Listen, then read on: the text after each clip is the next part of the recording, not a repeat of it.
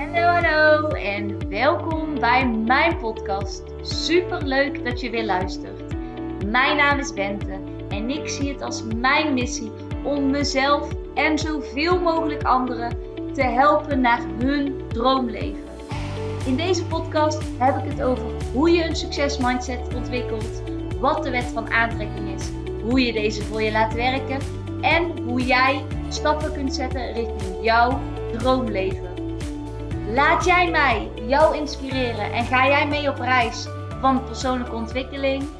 Let's go Dio! Hallo, hallo en super leuk dat je weer luistert. Het is zondagochtend en Kevin en ik gaan vandaag uh, met mijn neefje zwemmen. Officieel mijn achterneefje, maar uh, dat is iets wat ik ooit heb geïntroduceerd. Van als je jarig bent, mag je zelf kiezen: wil je een cadeau of wil je samen iets gaan doen? En mijn nichtje heeft twee keer gedaan en hij dus nu ook heeft gekozen om iets te gaan doen.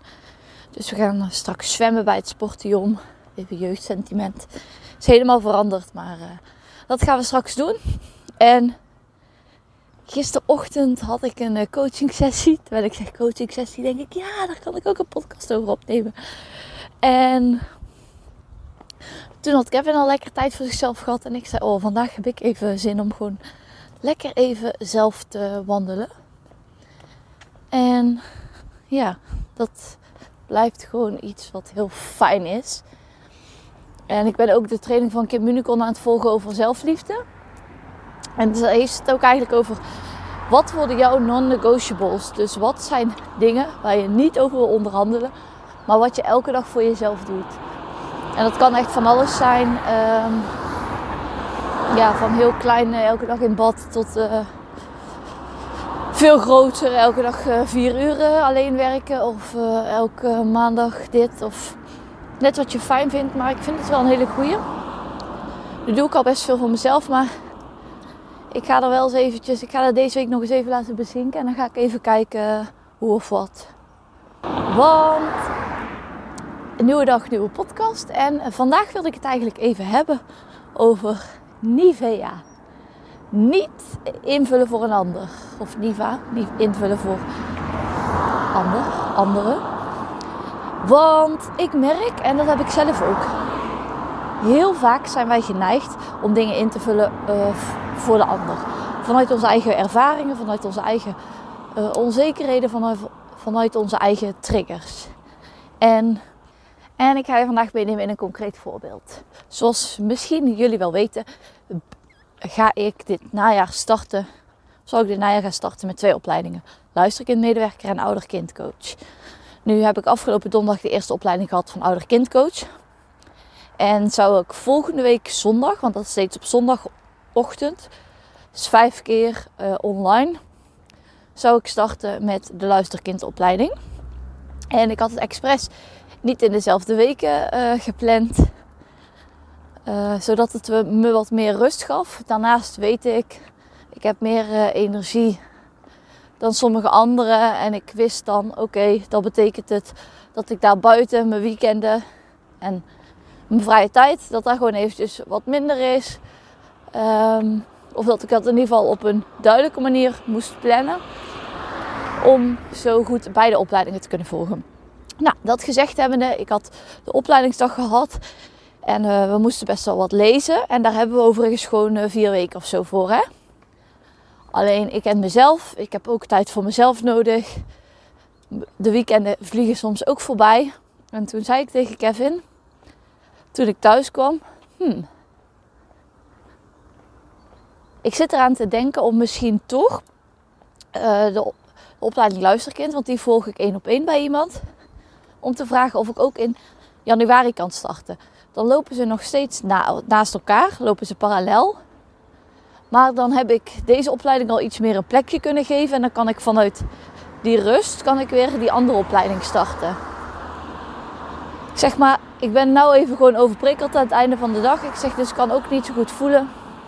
Dus ik uh, ga het morgen. Uh, ik ga het morgen loop voorbij. Uh, uh, een egel met ingewanden eruit. Dadelijk even opzoeken wat dat betekent. Ben ik al heel nieuwsgierig naar. Maar, oh, ik ben helemaal mijn verhaal kwijt. Even nadenken hoor. Oh ja. Toen zei ik tegen Kevin, ik ga er morgen even over nadenken. En dan kijk ik morgen even opnieuw hoe het voelt. En in het verleden had ik gedacht, Bent, je hebt je daar nou eenmaal aan toegezegd. Jij dacht dat je het kon, dan zul je het ook maar gewoon moeten doen. Doorzetten. Tweede wat ik had gedacht is, nu staat er een ander op met jouw probleem. Ja, dat ga ik niet vragen. Het derde ding was, ik durfde het niet eens te vragen. Omdat ik dacht, ja, dat is mijn eigen ding. Dan had ik het maar op een andere manier aan moeten pakken. En ik durfde het niet bespreekbaar te maken. En toen had ik uh, één zinnetje onthouden uit mijn coachingsmap. En daar stond in van als je uh, gaat werken met ouder-kindcoaching, dan wil je heel graag laten weten dat je op hetzelfde, uh, dat je in hetzelfde team zit. En dat kan met één woord door te zeggen in plaats van ja maar, ga je zeggen ja en. En toen dacht ik, wow, dat voelt inderdaad heel anders. Dus ik besloot uh, de volgende dag, ik had even bij mezelf ingevoeld. Nee, het voelde niet lekker tegelijkertijd. In de zin van, ja, het kan misschien wel, maar dan haal ik er niet optimaal uit wat ik er graag uit zou willen halen. Dus ik besloot um, de vrouw van de opleiding een mailtje te sturen. En ik stuurde van, uh, hoi, uh, zoals je weet uh, heb ik heel veel zin in de opleiding. Ik heb een vraag, dus ik ga je toch heel even mailen. En vervolgens legde ik de situatie heel erg uit. En gaf ik aan, ik had de vraag of het misschien ook mogelijk was om in januari te starten. Dan kan ik de opleidingen zo net wat beter spreiden. En komt het beide denk ik wat beter binnen. Indien het niet kan, is helemaal geen probleem. Dan pas ik me hier gewoon weer op aan. Maar als het wel kan, is het wel heel fijn. En eigenlijk binnen drie minuten kreeg ik een reactie. Tuurlijk, geen probleem. En dat kon. En dat ze mijn enthousiasme voelde. En dat ze ook dacht dat ik dan daarna wat meer kon landen. En dat ik ook vanuit rust meer aan die opleiding zou starten. En dat was voor mij eigenlijk perfect. En het was voor mij ook weer zo'n voorbeeld om niet in te vullen voor een ander. Om gewoon met de juiste intentie, zeker die hoort er echt bij, om met de juiste intentie iets te vragen aan iemand. Vanuit, we zitten in hetzelfde team, ook vanuit het stukje, ik pak mijn eigen verantwoordelijkheid, want dat is het stuk van, als het niet kan, dan blijft het gewoon zoals het is. Want heel eerlijk, ik heb dit uiteindelijk zo vastgesteld, dus als het niet kan, is er ook maar één iemand bij wie ik dat moet zoeken en dat is bij mezelf. Maar ik vond het weer fantastisch mooi hoe het zo kon werken. En dat is voor mij even de reminder. In een situatie waarin je het gevoel hebt dat iets niet lekker loopt, dat het niet stroomt, dat je het graag anders zou willen, maak het bespreekbaar. Vraag het. Want wij zien mensen niet zoals zij zijn, wij zien mensen zoals wij zijn. Dus wij kijken naar mensen vanuit onze eigen ogen. Wij kijken naar mensen vanuit onze eigen pijn en vanuit ons eigen verdriet. En daarmee gaan wij heel veel dingen invullen. Maar vraag nou eens feitelijk wat er echt is. Dat is echt de reminder voor vandaag. Ik ga nog eventjes de egel opzoeken om te kijken of die nog iets interessants kan toevoegen hieraan. Nou, en dan kom ik nog even, want de aanvulling met de egel is heel mooi en ook tegelijkertijd confronterend. Als ik zulke dingen zie, zoals bijvoorbeeld een dier, wat heel specifiek bijvoorbeeld in één keer voor je neus ligt, of waar je bijna bovenop stapt, dan vind ik het soms leuk om op te zoeken de naam van het dier met erachter spirituele betekenis. En daar zijn heel veel verschillende dingen uh, van te vinden. Ik zoek vaak specifieke sites vaak op. Ik vind uit je bewust heel fijn. En dat is verder niet dat dat de waarheid is, maar voor mij voelt dat heel kloppend. En zo heb ik dat net ook gedaan bij de egel. En ik zie het dan ook alweer. Het verschil tussen als ik een um, levend beest zie of een dood beest. Want dan zie je ook wat er gaat gebeuren. Maar goed, de egel staat heel erg voor de vrouwelijke kant. Voor het um, feilloze, een bepaalde intuïtie hebben, leven vanuit het gevoel.